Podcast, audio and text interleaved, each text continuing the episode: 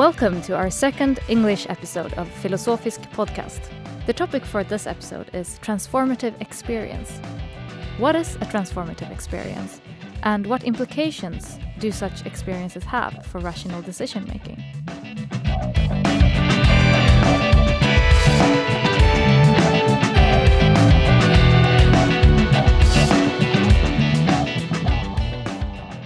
Our guests today are Laurie Paul, professor at Yale University, and Krister Bykvist, professor at Stockholm University.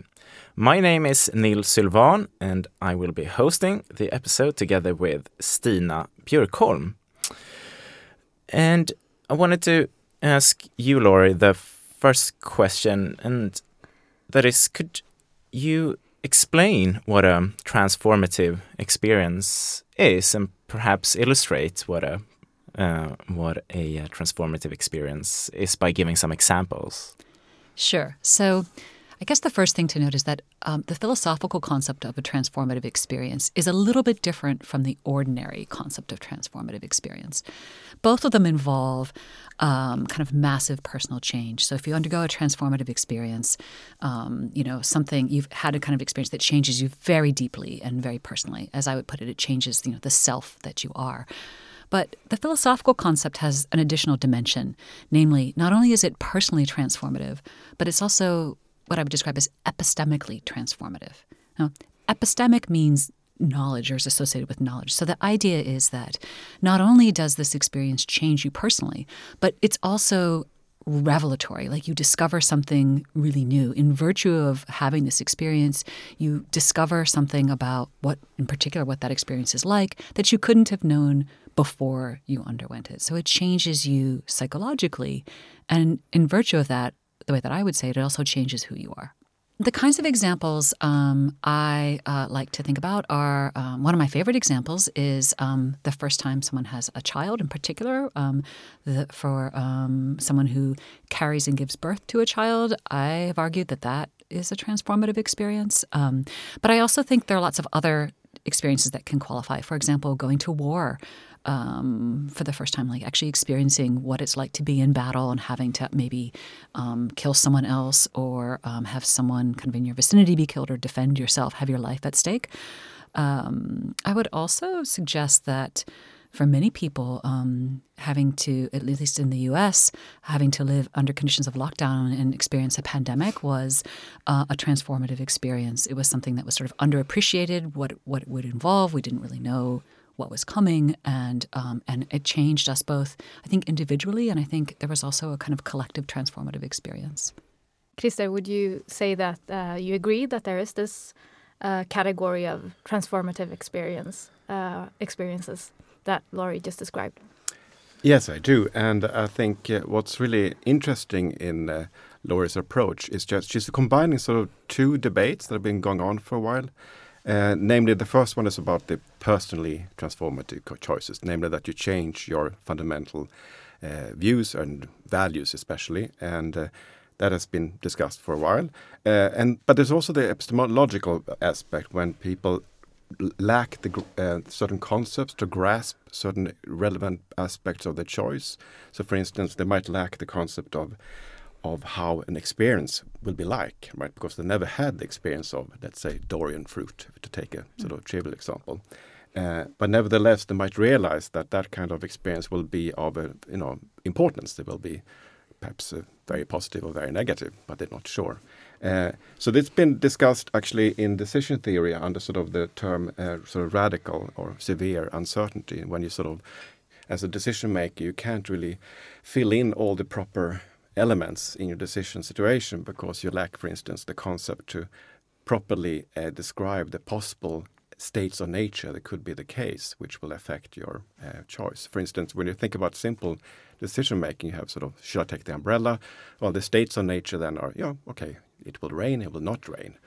And you have the concepts, it's very easy to describe the situation. But what if you know that this decision you're thinking about will change technology in a certain way, make you're able to do things you haven't done before, and perhaps you don't even have the concepts of uh, such a change. Right? Think back to you know medical sort of advances. A lot of people in the past didn't have the concept of of genetic modification, for instance, but they might have sort of thought that perhaps there will be some development that will have a huge impact on on, on humans, but cannot actually grasp it properly. So what uh, is interesting with um, Laurie's approach, if I understand correctly, is that she's actually thinking about a case where you combine these two things, right? So you both have the personal transformative, where you change the fundamental values, and you also have this sort of lack of certain, in this case, perceptual concept to be able to properly grasp and imagine correctly how it would be like because you don't have those crucial concepts of how, how it would be like. Uh, and you know actually that it will be like in certain way and it will be actually transformative and it will be, you know, important that you know, but you know don't exactly know exactly how it will feel. Krister just did a better job of describing that concept than I did. I just want to say. Right. And so um, this lack of knowledge, for instance, of what it's like to um, carry and give birth to a child or taste a durian fruit or, or something like that, um, exactly how does that affect your choices with respect to eating a durian fruit or with respect to having uh, a child if you don't really know what it's like? to undergo either of, of those experiences? I mean, how are we to think um, about making uh, choices with respect to such things if there are certain things that we don't know about those experiences or what will be the case after we have un undergone them? So, okay, so for me, um, I think about choice, um, about some of these big life choices. So it, for me, it involves kind of big choices, big life personal choices. Um, I think that's the kind of set of choices where I think there could be um, an effect here. Um, so that's maybe the first thing. There's some choices that just aren't kind of big life choices. I mean, just trying durian for, for the first time, you could flip a coin or just decide you wanted to try it just for the sake of it. Mm-hmm. But when it's a kind of high stakes case um, where something that you care about deeply is, you know, is at stake, um, and in particular when how you live your life is at stake, um, I think that some of those choices um, in, require a certain kind of deliberative reflection um, where you introspect. Um, and in addition, obviously, to thinking about like what kinds of empirical data we have, um, looking at anec- anecdotes from others and testimony more generally, and whatever we can know from science, that you also assess um, what, ideally, you would assess what this experience is going to be like um, in terms of kind of perceptually, but I would say in terms of um, I would say how you would experience it and how you're going to respond to it, and think about how it's going to affect what you care about and kind of work on you and change you. Um, and then decide if that's the kind of change that you want to undergo, if you want to become the new kind of person that this experience is going to make you into. So my inclination is to say with some of these big life choices, that's a that's that kind of deliberation is is extremely important to us. Um, and my worry is that you can't actually do that in these cases where you can't know um, at least what the kind of salient nature of the experience is going to be like, because that means you can't um, simulate or imaginatively kind of assess how you're going to respond to it. In other words, you don't know. For example, if you if you're blind, if you if you grew up blind, and you have the possibility of having um, an operation that's going to give you something like ordinary vision. And you have to decide whether or not you want to have that operation. And you might decide to do it based on like what your doctor recommends or something else, but there's something really deep and important about the change that you're under, going to undergo that you can't possibly know until you undergo it. And I find that really disturbing. If you just decide to do it because you're going to do it based on what your doctor tells you to do, that's fine. But if you think, well, look, I really, you know, um, you're congenitally blind, and you think, well, I really, the way I live my life now is very important to me. Who I am is partly someone who's blind. My dominant sense modality is audition. You know, um, I experience music in a different way. I experience the world in terms of sound. That's that's how I am and who I am. Then I think you can find yourself in a rational dilemma because if you want to make the choice about whether or not to have that operation and to gain vision, let's just say it's highly likely that, that, that the operation will be successful, then there's something really important you can't do. You can't think about the kind of person and what it's going to be like to be someone who has sight, who you will become. You can't understand that from the inside when you make the decision. And so I've argued that in that kind of context, um, you can't make the decision rationally because part of the criteria for a rational decision here means uh, involves the ability to understand who you're going to become in those new circumstances, and you lack that ability. So it's the kind of radical you find yourself in a situation of like radical uncertainty that Krister was describing.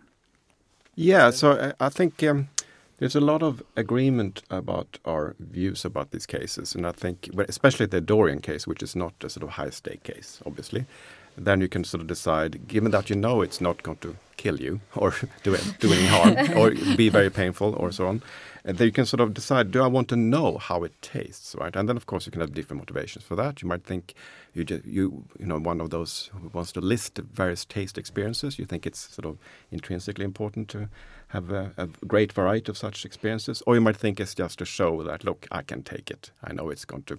Some people say it's very disgusting. I'm going to show I can do it anyways. It might be tough, sort of a gustatory daredevil, mm-hmm. and uh, and there can be many other reasons too. But it, it, there it makes sense to say, look, I, I, I decided to go for it and have a, a try because I wanted to know how it tasted, right? When it comes to having a child, it would be odd to say, why did you have a child? I wanted to know how it felt at least it's very incomplete, right? because you would have thought in those cases, a lot of things are at stake, right? Mm. More than just the texture of the, your mm-hmm. experience. Uh, it has to do with the values, of course, right? Should, should we have kids, right? Given the climate uh, crisis and so on, right? If you have a child now, that child might have another child and so on. So you might have a, in total, quite a great impact or enable a great impact on the, you know, uh, emissions and so on which one aspect of it. And also, can you will you be able to care of it properly? Uh, will you be able to have a career in the way you wanted to have a career? Will you like it? Um, can you take the uh, lack of sleep, for instance, that will come with it? Or you, do you know that you can do it?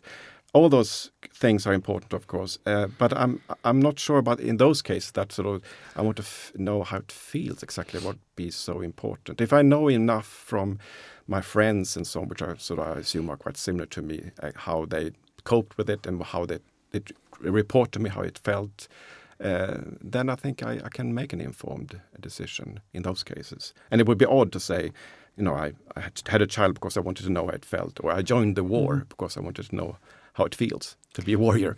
Um, but when it comes to the the um, becoming sighted, I guess that's that's different, right? Because that, that is, I think, something you you something important you lack because you don't have that conceptual grasp of something you want will you know will have a great impact on your life uh, and not sure exactly what the impact actually right it's not a trivial impact that that that is for sure so I think I'm more in line with you for, for such cases than the, uh, the other ones. Yeah. So yeah. so this yeah. this is an interesting like this is there's an interesting issue here that um, that we differ on, and sometimes I actually don't fully understand mm. exactly mm. where the source of the difference is. So. Mm. I want to ask you about it. That's okay. So, so the thought is that when I say like uh, you don't know what it's like, um, I don't just mean like how it feels in a thin sense or what it looks like or something like that. Like I, I think, and you've accused me of caring too much about texture, and I, I accept that whatever we mean by like that I, I, care a lot about like the nature and character of lived experience we can call that texture mm. um, and i think that's like su- super important not and i don't mean this in a selfish way either i mean mm. obviously we care about like what life is like for other people as well and we have to adjust all of that but what i'm trying to say when um, you're making a decision maybe not just to kind of gain sight or whatever but like you know to um, go to war um, you know to join the mm. army or whatever it is um, to move to like another country that um, something about like what it's like goes beyond like kind of mere sensation. Um, that there's something about maybe the way that our, our human brains work that kind of melds together kind of perceptual information with something like deeply contentful.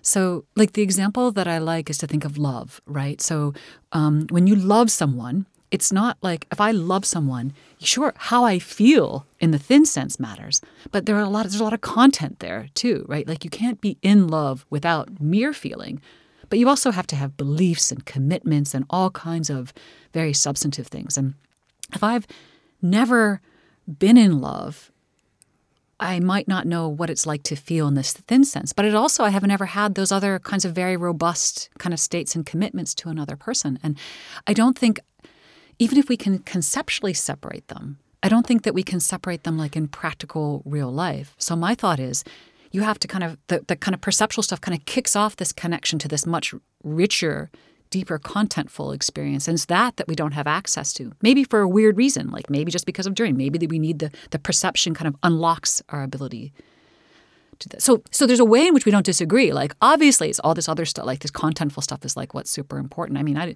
know I didn't decide to have kids because I was like, oh, what's mm. it feel like? No, well, it's gonna no, hurt. No. Like you know, I knew that. Mm. Um, but it's more like, what is it going to be like to stand in this deep kind of attachment relation to you know beings that are dependent on me and are going to change very fundamentally what I care about most. Mm. And that's not not merely perceptual, but on the other hand weirdly, I had to kind of go through the like the physical experience of um, like having you know uh, being a parent. I mean, you don't have to mm. physically mm. produce a child to be a parent, but I had to kind of actually stand in that relationship to develop and grasp that. Yeah, so I guess um, uh, the reason why I thought we disagree was that, uh, uh, as you said um, in the book, you put aside sort of moral and prudential values, right? Mm-hmm. And I thought if you put that aside in this transformative, radically transformative cases, it's very difficult to know what's left, right? And one thing is left, of course, exactly how it would feel, the texture, the perceptual sort of part of it. Um, but it's, as I understood you, it's you know, it's not enough for me to get information in another way, not through imaginative uh, uh, process of trying to imagine yourself being there. But if I got information about how much pleasure I will feel, how much I will like something, uh, what kind of emotions I will have and so on. That's not enough for you because it hasn't been you haven't done it through the sort of valuable process, which is, as I understand it, your idea that you know authenticity in certain cases requires you to go through this kind of how would it be for me to be living that life, uh, and if you can't go get the information that way, somehow it's something is lacking. Uh, so that's why I thought you you did really care about something about the texture because uh, the content of those emotions you can get i guess from other sources you can also get the information about certain psychological features of self whether you will like it or how ple pleasant you will find waking up uh, four o'clock or two o'clock in the morning mm -hmm. with a crying mm -hmm. baby. Uh, you get that information. Uh, let's say, of course, nothing is sort of known, right? But you have at least some idea and some probabilities you can use at least for that. It was not enough for you. So that's why I thought, okay, they must she must be after something about the texture.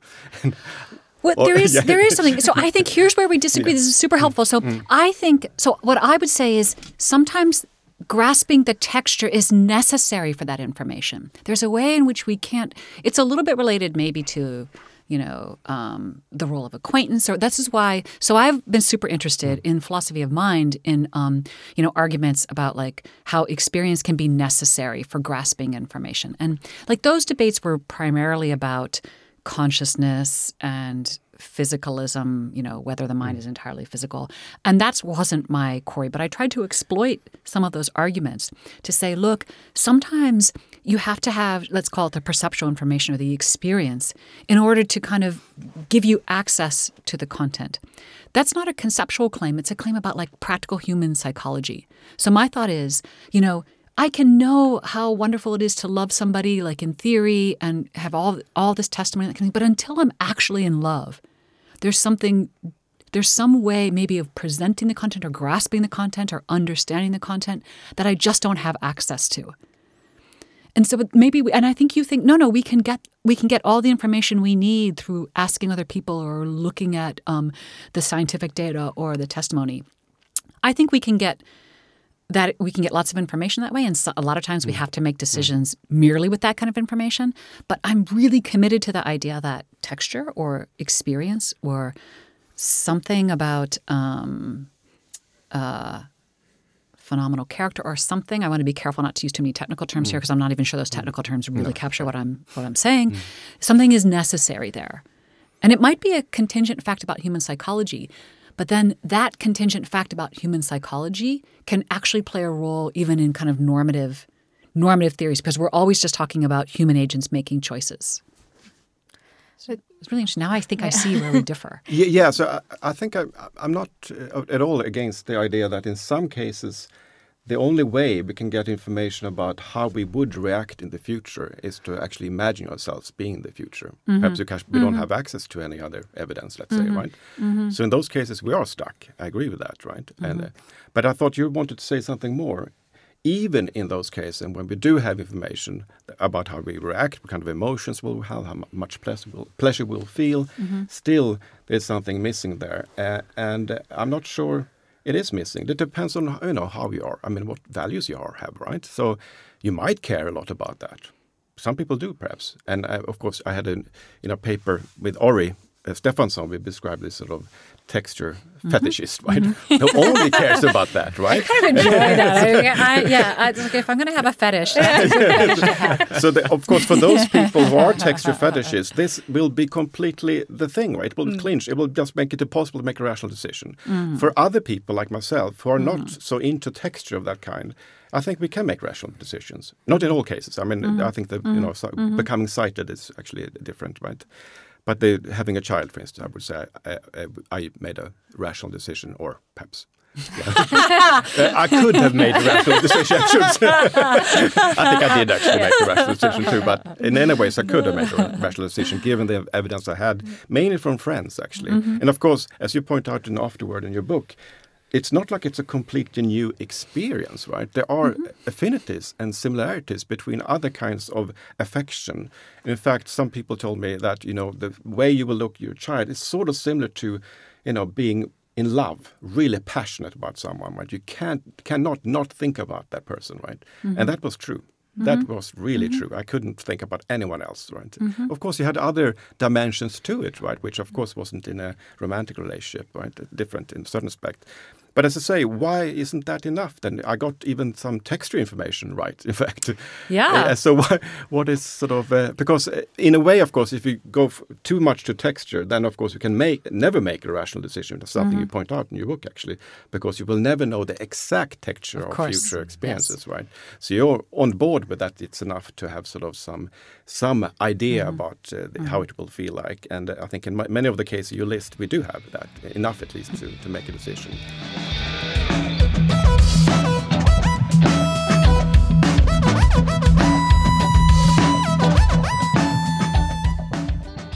Because if you could clarify what you take then Mm. the difference to be between the case of having a child and Mm. the case of a blind person getting some kind of a surgery. So you seem Mm. to think that there in in in the blind person take getting surgery Mm. case there is a transformative experience, uh, whereas in the having a child case there isn't. Is Mm. it just about? I mean, couldn't a blind blind person also access important information that would, you know, about people who Mm. have undergone similar kinds of surgery to get uh, what what their experiences have ha- have been Mm. and such.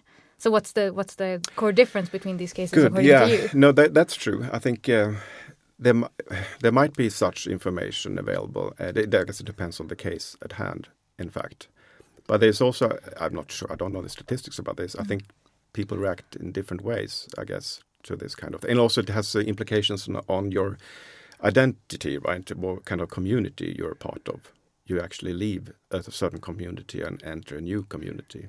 Isn't that true of getting uh, having a kid? That's true. that's true.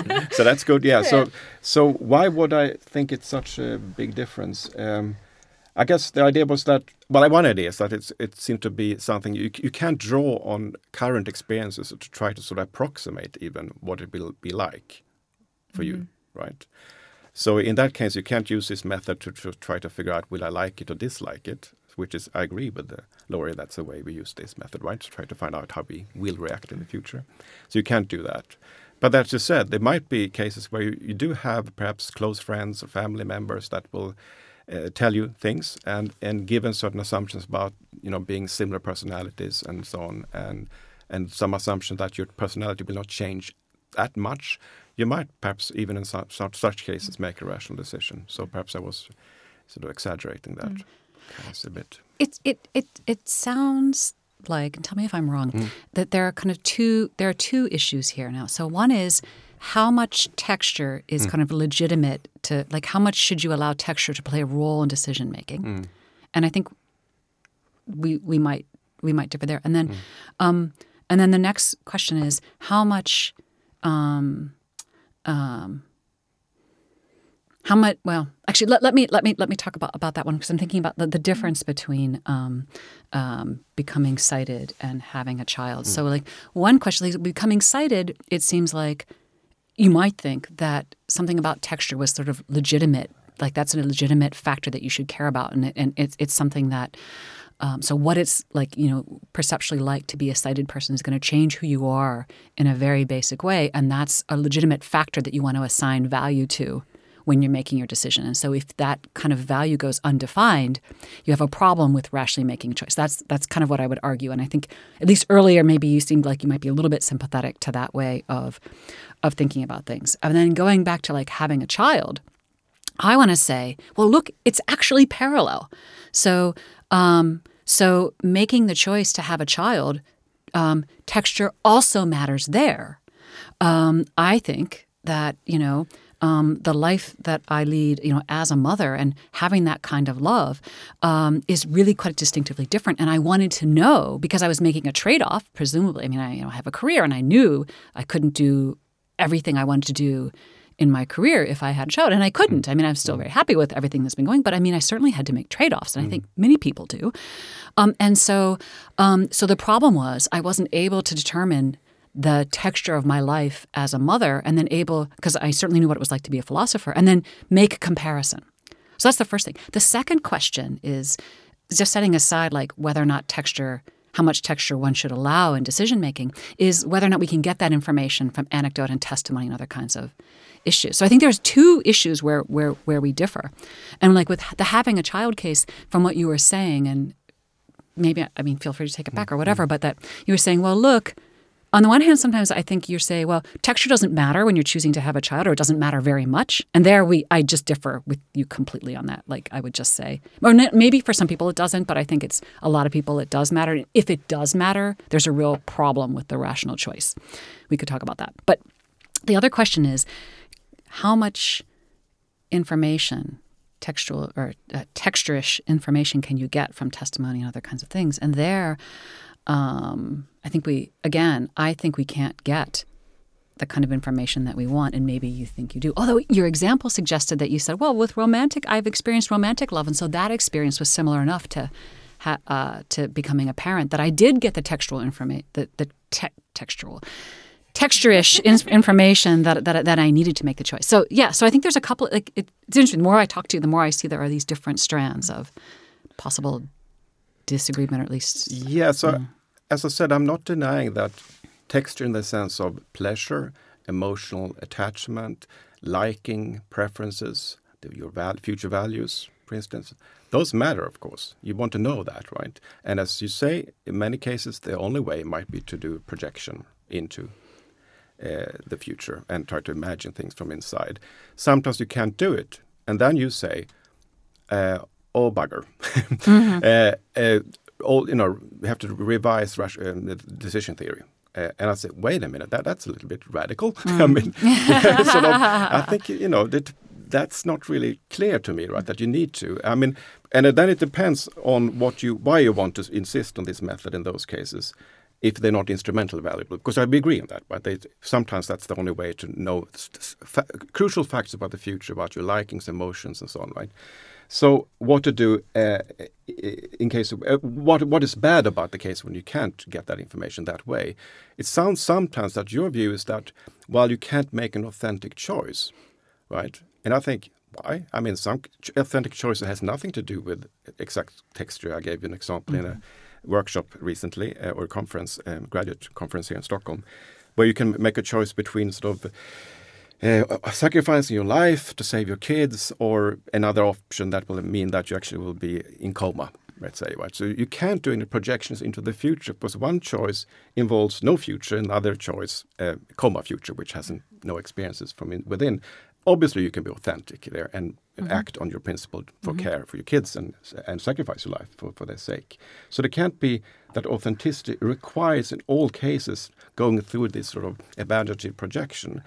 So uh, we agree on that, I think, actually. We do. We absolutely agree on that, yes. So we Mhm. agree on that, and we agree on that it's sometimes not, and it's sometimes use, uh, quite often useful as instrumentally useful, right, to get Mm-hmm. information. Uh, then you seem to sometimes suggest that, well, even in cases you have this sort of crystal ball, and I can see, I can see that, well, and I can get the information that I will, be, I will like it. I have this emotion, that emotion, uh, and you say it's just theoretical um, knowledge. I'm not sure it's just theoretical knowledge. It can be quite qualitative and and and anyways but in those cases when i have this information uh, i'm still not able to make a rational decision because i can't know exactly how it feels. And I'm, then i'm not sure. I mean i think for some people it's right right? Some people can't make a choice then because they want to know exactly how it will feel right being a, a parent. And others like myself no and so then it's sort of a matter of who you are, actually, actually, mm-hmm. right? So for mm-hmm. some people, perhaps it will be more of a problem, as you point out, right? And others, it will, will not be a problem. But the way you painted the picture was like this is a really big issue for uh, rational decision making for, for, for us, right? In this culture, right? Because as you say, it's a cultural paradigm to go for this kind of uh, imaginative projection. And I thought that that was a bit overblown. I think there's a couple of different things that are interacting here, and I want to say a little bit more about it. So, um, on the one hand, um, there's this question of like how important it is to kind of know what it would be like to like live as a parent, uh, as a parent, and then the second one is can we get that from kind of testimony? And there again, I just don't think we can get that from from testimony, and I just think we we dis- we disagree about that. But there was an extra there's an extra part about like decision theory that I wanted to come back to because um, on the one hand. Um, I mean, I'm a fan of of rational decision theory. You know, as you know, you know, I'm you know, in general, I'm a fan of like the book that I wrote.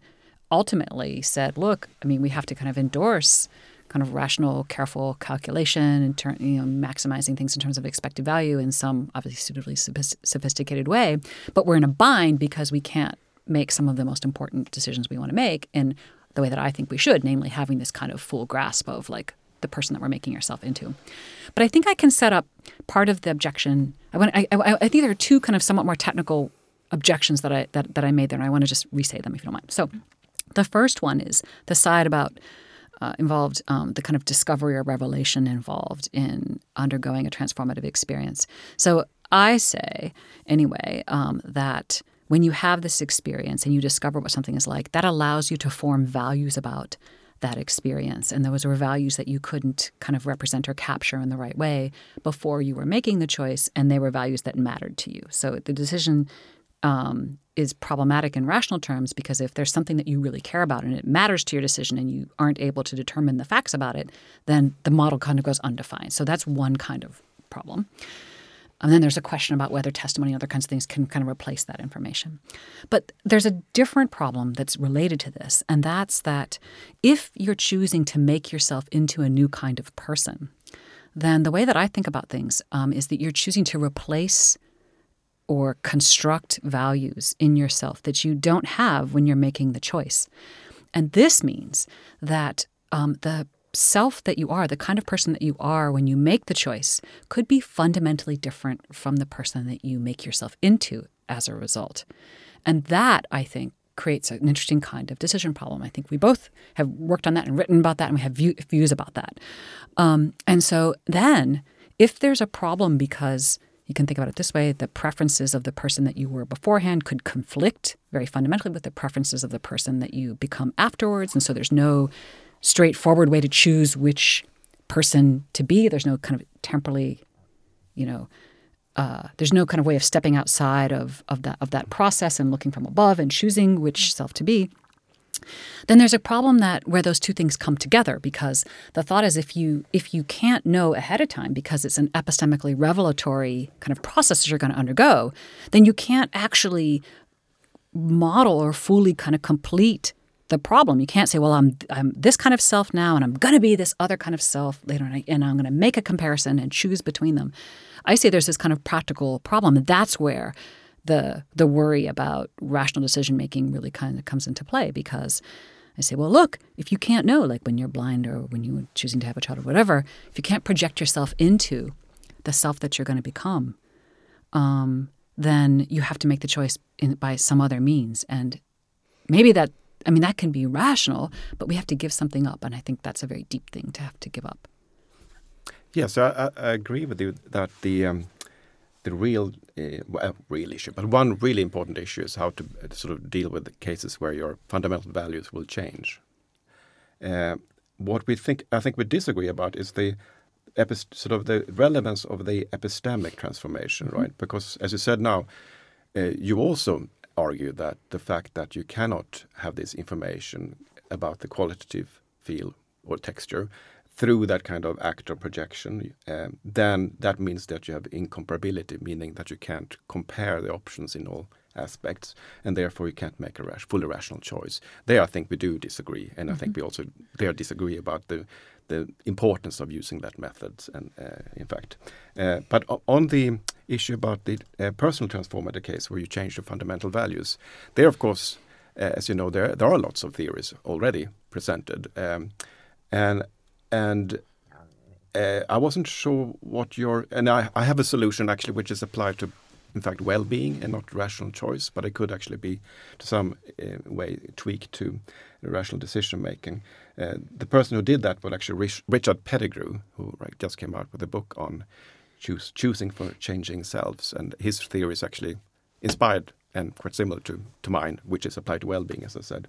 Uh, uh, but the um, I wasn't sure because you do have a solution to transformative choice, which is to do to decide to come to know, and I wasn't sure how that fits into the sort of uh, why is if that's okay to sort of all of a sudden refer to revelatory uh, concepts. Why wasn't it fine in the beginning to refer to prudential or moral considerations, which are also not texture uh, oriented necessarily? And I, because as I understand coming to know, it's not the texture of coming to know that's important here, right? Right? You still don't know the texture of your future, but you just decide, I want to know how it tastes, let's say, in the Durian mm. case, right? So that's a new kind of not subjective value in the same, same case of same sense of subjective value about knowing the future texture, but it's a it's not subjective in that sense, which is similar to prudential moral values. So I wasn't sure how your solution then would be a solution that is not different from in character from just invoking any other objective or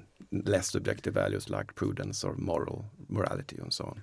Um, I don't object to a prudential solution. Mm. It's because um, I think that one should be prudential in the sense of like think about your future self in the right way, and those mm. considerations matter. What I object to is a prudential approach where, again, what it's like like how one what it's going to be like for someone to live their life. And i mean that like from the inside mm. um, and an immersed kind of again like lived experience kind of what it's like. That's i think a prudential feature and that it's really crucial to include that at least for people when they're making a very tough decision i mean some decisions are easy and then i don't think that those kinds of immersed life experience kind of prudential worries have to come into play. But when when it's it's when you really don't know what to do, when you can make a choice between option A and option B, and it really matters to you, and it's going to affect you for the rest of your life, uh, in a sense that um, not necessarily something. Again, I think that can be communicated by testimony because I might say I'm going to choose a life of suffering but find that suffering incredibly meaningful. Some people do that. And also willingly kind of know there's something meaningful about choosing a life of suffering when you really know how bad it's going to feel. And I mean feel really in an emotional sense as well. That I think is is important to be able to do. And so um, when I wrote the book in 2014, I think there was just much less acceptance of even taking that kind of thing uh, seriously. And I'm not sure why. It might just be kind of the way that philosophy was done. And I've always been a fan of like thinking about the nature of kind of phenomenal character and thinking that that played in practical as well as kind of normative situations a bigger role than philosophy has given it. So I was intentionally being pro- provocative because I really think this kind of thing matters.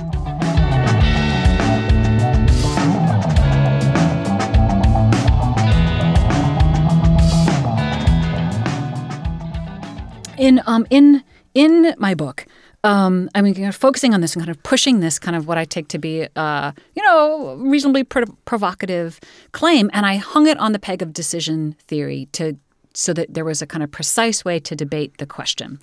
Um, and what I say in the book is, well, look, you know, maybe we just simply can't have access to this information in the way that um, I think is is important, and um, and I think that I I know not everyone agrees with me, but I do think that um, a lot of people do also find this plausible that understanding life like, like like what life would be like from the inside in this way is is incredibly important in a high stakes personal decision. And so I say, well, if we can't make a decision in this informed way, then we have to step back and reframe it and do it some other way. And so I say, well, there is a way of approaching this as more or less, well, let's just throw ourselves into it and find out what it's like, or refuse to find out what it's like because it, you know, it doesn't seem like a gamble that we want to take. And so we stay, we, we reject the opportunity and stay the way we are. That doesn't work for a forced, forced choice case where you have to choose between going one way and going, you know, you're standing in front like there's a forked path. You have to go right or you have to go left. You can't go forward. Well, then I'm not sure what to say. Again, it for me it amounts to kind of like a coin flip. Like you can take if all the external information you have, the testimony and the data and whatever else, the anecdotes you have, uh, don't give you a definitive way to go, and you, and you, especially because you can't get this thing that I think is very important to you, this very important intrinsic kind of textural fact about the kind of life it is that you're choosing, then I think you're in a bind, and it's a very unsatisfactory bind. And so I say, okay, decide whether or not you just like you know flip a coin effectively go right or go left or stay where you are but you're not going to be able to do it in a suitably informed way so it's very unsatisfactory um, but, but sorry is, yeah. is, your view then that that choice can't be rational I mean, oh no i think that's the only way to do it right in other words I you have see. to step back i defend a, a premise where i say look we need to know what we don't know the, what I object to is saying, "Oh, I know what it's going to be like to be a parent, or I know what it's going to be like to to go into battle. So I, you know, I make this choice knowing what it's going to be like, where I'm actually, I don't know.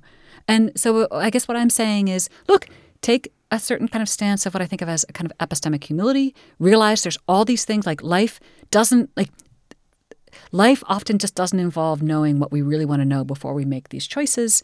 Um, this is just a difficult fact about human psychology and, and the situation that we find ourselves in, um, and we so we have to choose by other means. And why I think this is important is because um, I think that it helps us understand why people make mistakes and it helps us think about what we should blame ourselves for when we make mistakes, but what we shouldn't blame ourselves for when we make mistakes. Like, oh, I made this choice because I, you know, I thought living my life was going to be like this and I was wrong. And if someone says, well, you should have known better, and in some cases, I'm going to say, you know what, you couldn't have known better. Mm-hmm. Yes, I think the um, my reaction to the revelation approach was that well, you put away uh, moral and prudential values, or objective values actually initially for your project. You thought about let's put them aside and then focus on this agent who cares about how it will feel in this in broad sense. Uh, and then, as you said, you sort of reformulate the decision uh, situation for this agent in order to solve the issue. But that seems like you just imported now an objective value, which you initially took away, for instance, moral and prudential value. So you might think, well, can't I just invoke my moral values again, especially with a high stakes, right? Because what does high stake mean? Well, lots of things are stake prudentially and morally, right? And you said, don't think about those objective values, think about something else. But then you doesn't seem to be high stake anymore. And this revelation value seems to be uh, alien to this sort of approach you sort of um, initially um, wanted to say this is a, a cultural paradigm. So I wasn't sure how it would be helpful and why we couldn't mm -hmm. just help ourselves then earlier on to the objective values like morality and prudence.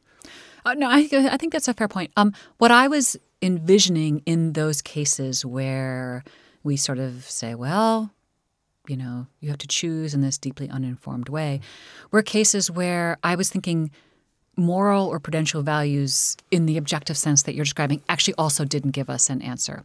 So I think you're right. And and and I I, I think I, I, should have been clearer in hmm. my book about that. That sometimes we'll be able to step back and say, oh, actually, we can look back to objective moral and prudential facts and make a decision on that basis. And there, I think that would be a good, as long as we're clear that we're not fooling ourselves that there's this other chunk of stuff that we don't have. Mm. And again, that I would say is like really important to us. So there's a way in which I would say, well, then, okay, so I describe that, I would think of that as, as an impoverished way to make a decision, which you would probably object to, but I would say it was impoverished, but still um, the right way to go.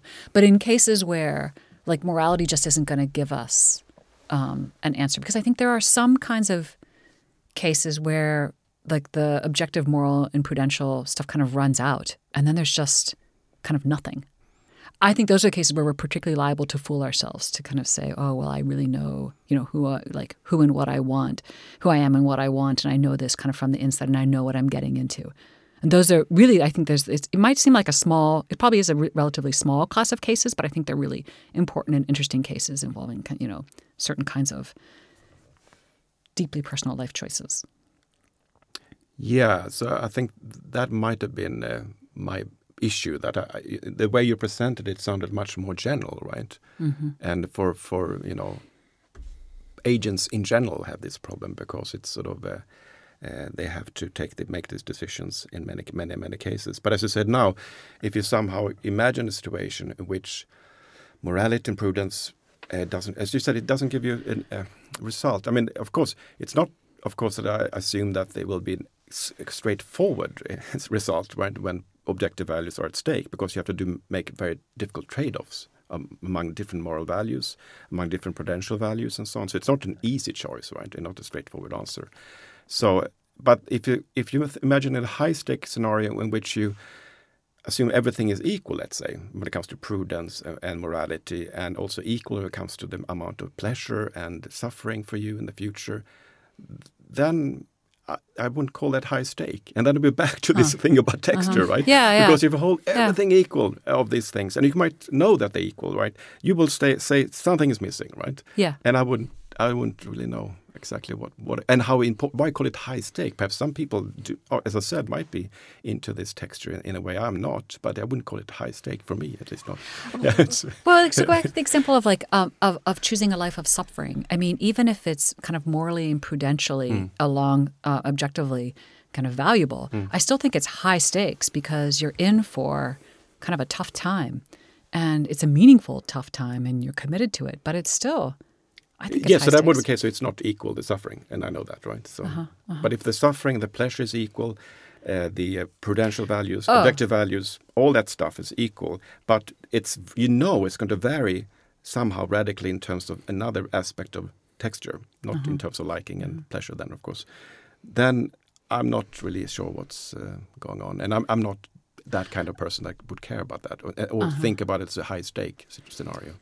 What about a case where it's not all equal, but rather mm. like prudential prudential considerations pull one way, moral con- considerations pull another way, and so there's no kind of. Mm. It's effectively it's just a comp- so complex that either you're not able to either determine the balance, mm. you know, like whether moral considerations dominate or prudential considerations dominate, or it's effectively it ends up being equal because things pull in different ways.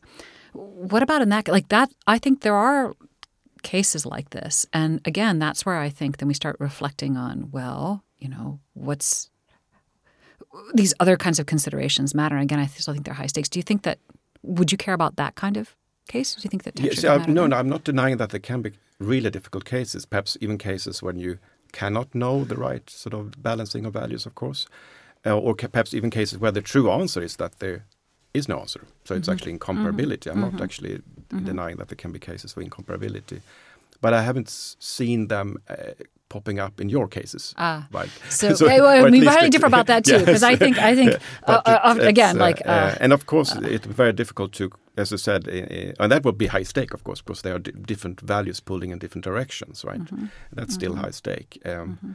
But but as you put it in the book, you put them aside, and then I, I didn't I didn't know how to sort of see it as a high stake if I couldn't invoke my objective values about uh, and also, you know, uh, the fact that I know it will differ in terms mm -hmm. of mm-hmm. suffering, let's mm -hmm. say, right? Because mm -hmm. that's not enough for you mm-hmm. that I know that, for uh, because I didn't, didn't. If I don't know it in, through the right procedure, it's still something missing. Um, yeah. So the, ah, guess, it well, wasn't that you couldn't invoke them; it's mm. that you couldn't just offload the decision making process to that alone because I think that either they're that often the prudential moral considerations aren't mm. enough to decide, right? Um, if we run out of if that, that so that we needed this other this other kind of information as well, but when it's no longer available, then I mean, again, I I, I don't wouldn't ob- object to then moving to a choice based on moral prudential uh, decisions if it were accessible to us. So it's a different way of emphasizing things. I was trying to isolate a class of cases that I think really involve this kind of subjective, personal uh, decision making where there isn't an answer like a moral answer or a prudential answer. I mean, in the U.S., for example, there are these debates about abortion, and um, those are um, and it's kind of it's a it's a highly charged debate, and I think part of um, of the debate involves whether or not kind of objective moral and prudential concerns should be should determine whether a woman can choose to end um, the life of a fetus, right, or the like the, the survival of a fetus. And part of me wants to say, you know what, it's it's that those those things they matter, but they don't get they don't get the say so ultimately, right? You have to be able to set those aside and make the other and evaluate things on your own terms.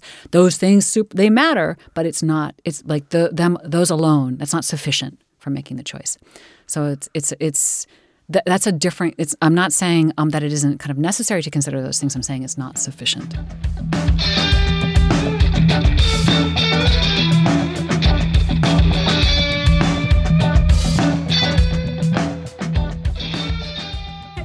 no, but I'm thinking about um, these these cases of transformative experience. Uh, I wonder if if it's only a limited kind of set of cases that are like this. If it's kind of rare in our life, if it's these big kind of decisions about cho choosing a career or choosing to have kids, does it matter that we cannot make a fully mm -hmm. rational decision mm -hmm. in these mm-hmm. cases, or should we just kind of realize or, or kind of go along with that okay in these cases when i think about if i think about having kids then to some extent i won't be able to make a fully rational decision. And that's just how it is. I mean i find it freeing mm. um, in a, in a certain way. And i guess i also think it matters because in the in the real situation i mean you know the some of the experiences i've had that count as transformative um, i think i think I think it does matter. Partly it matters. Sometimes you have a choice and you're deliberating, like, you know, um, do you want to have a child? Do you want to get divorced? Do you know, whatever. Other times, you know, transformative experiences just come on you, like the pandemics. No one chose, um, you know, um, to have to kind of go through, you know, lockdown or experience a pandemic or get COVID or whatever, you know. Um, you know, people don't usually choose, let's say, um, a certain kind of like you know, accident or to experience a kind of disability or anything like that, right? So sometimes it just comes upon you. Mm. There, I think it can matter to have an. I mean, this is what philosophy is about about like kind of understanding these different models for these kinds of life changing experiences. Mm. And so, so yes, I think it matters. Um, in a in a kind of philosophical sense, to have a deeper, I think, appreciation and understanding for um, some of the things that make us who we are. Mm. Um, and then I also think it can matter um, when we're thinking about um, how we want to live our lives and how we make how, what we should care about and how we want to praise and blame and assess things. Um, and I also, just to go back to something we were talking about before, I'm a big fan of um, of what it's like and and the nature of experience. And I'm really interested in this concept of, of revelation. And I, I use that term to evoke something kind of that's often associated with, with religious experience. I'm not talking about religious experience, although religious experience could could could fall under this because uh, religious conversion is also uh, transformative, I would say. But I just think there's something um, kind of aesthetically valuable here that um, I want to kind of isolate and kind of call attention to mm-hmm. and and and and de- debate it. Maybe someone doesn't think it's valuable. I can respect that, but but I want us to attend to it and and and, and appreciate it. Can I also just ask a, a, question? So, if um, revelations matter, um, and if there is something that it's like to have a revelation, is it the case that once you have had one revelation, you know what it's like to have them all? Mm -hmm. Sort of. So if you do, let's say, um, have a child, and you discover what that's like, uh, and you sort of by by that discovery, you also discover what it's like to be discovering mm -hmm. what it's like to mm -hmm. have a mm-hmm. child, right?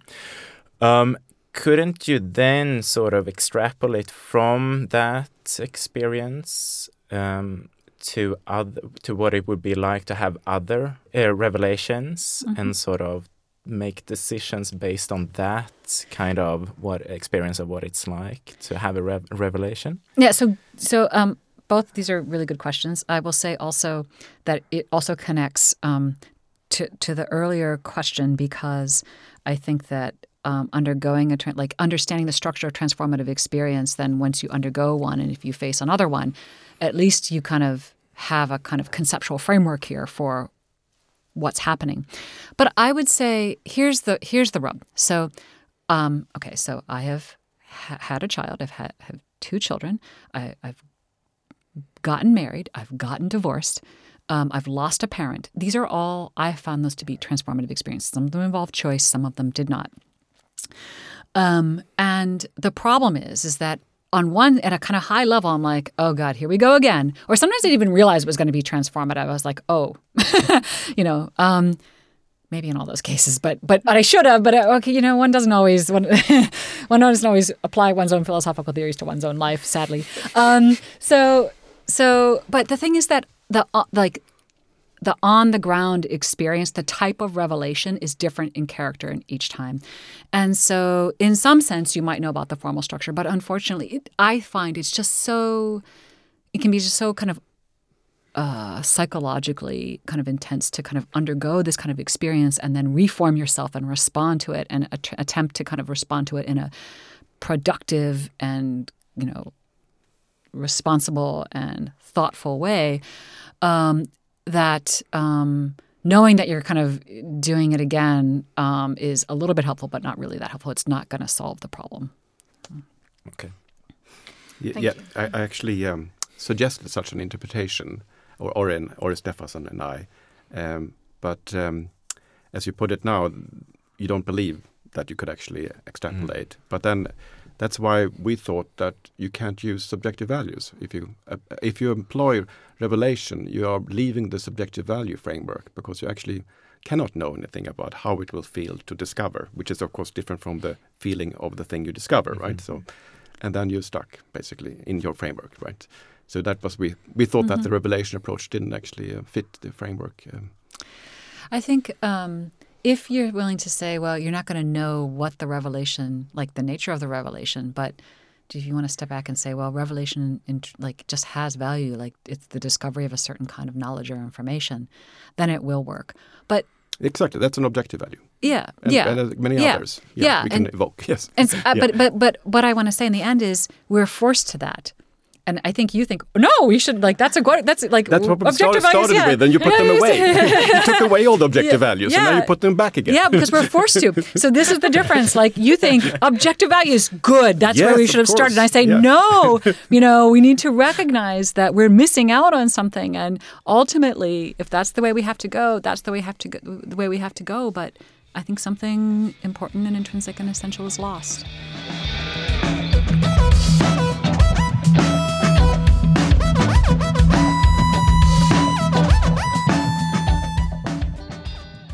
So we usually end each episode asking our guests if they have any philosophical suggestions or recommendations. Um, so let's start with Krister.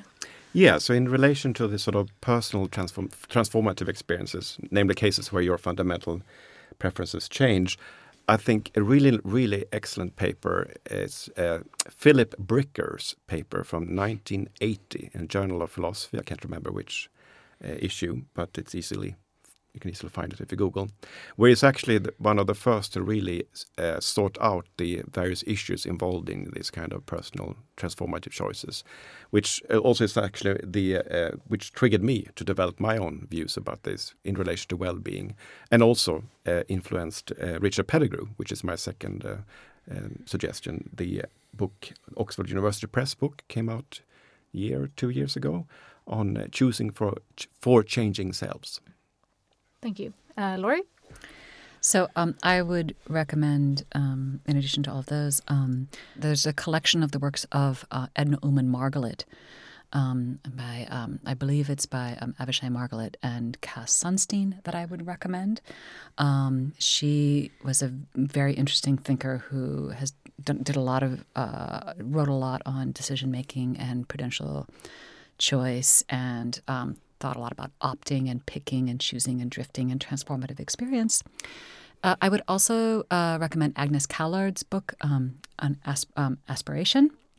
And finally, there's a, a, collection of essays on transformative experience if you're interested in that particular topic uh, called Becoming Someone New with Oxford University Press. And that was uh, edited by Enoch Lambert and John Schwenkler. Great, thanks. Thank you so much yes, for, for coming and joining the episode. Well, thank you so much yeah. for inviting us. Thank yes, you. Thank, thank you. you. It was really interesting. Yeah.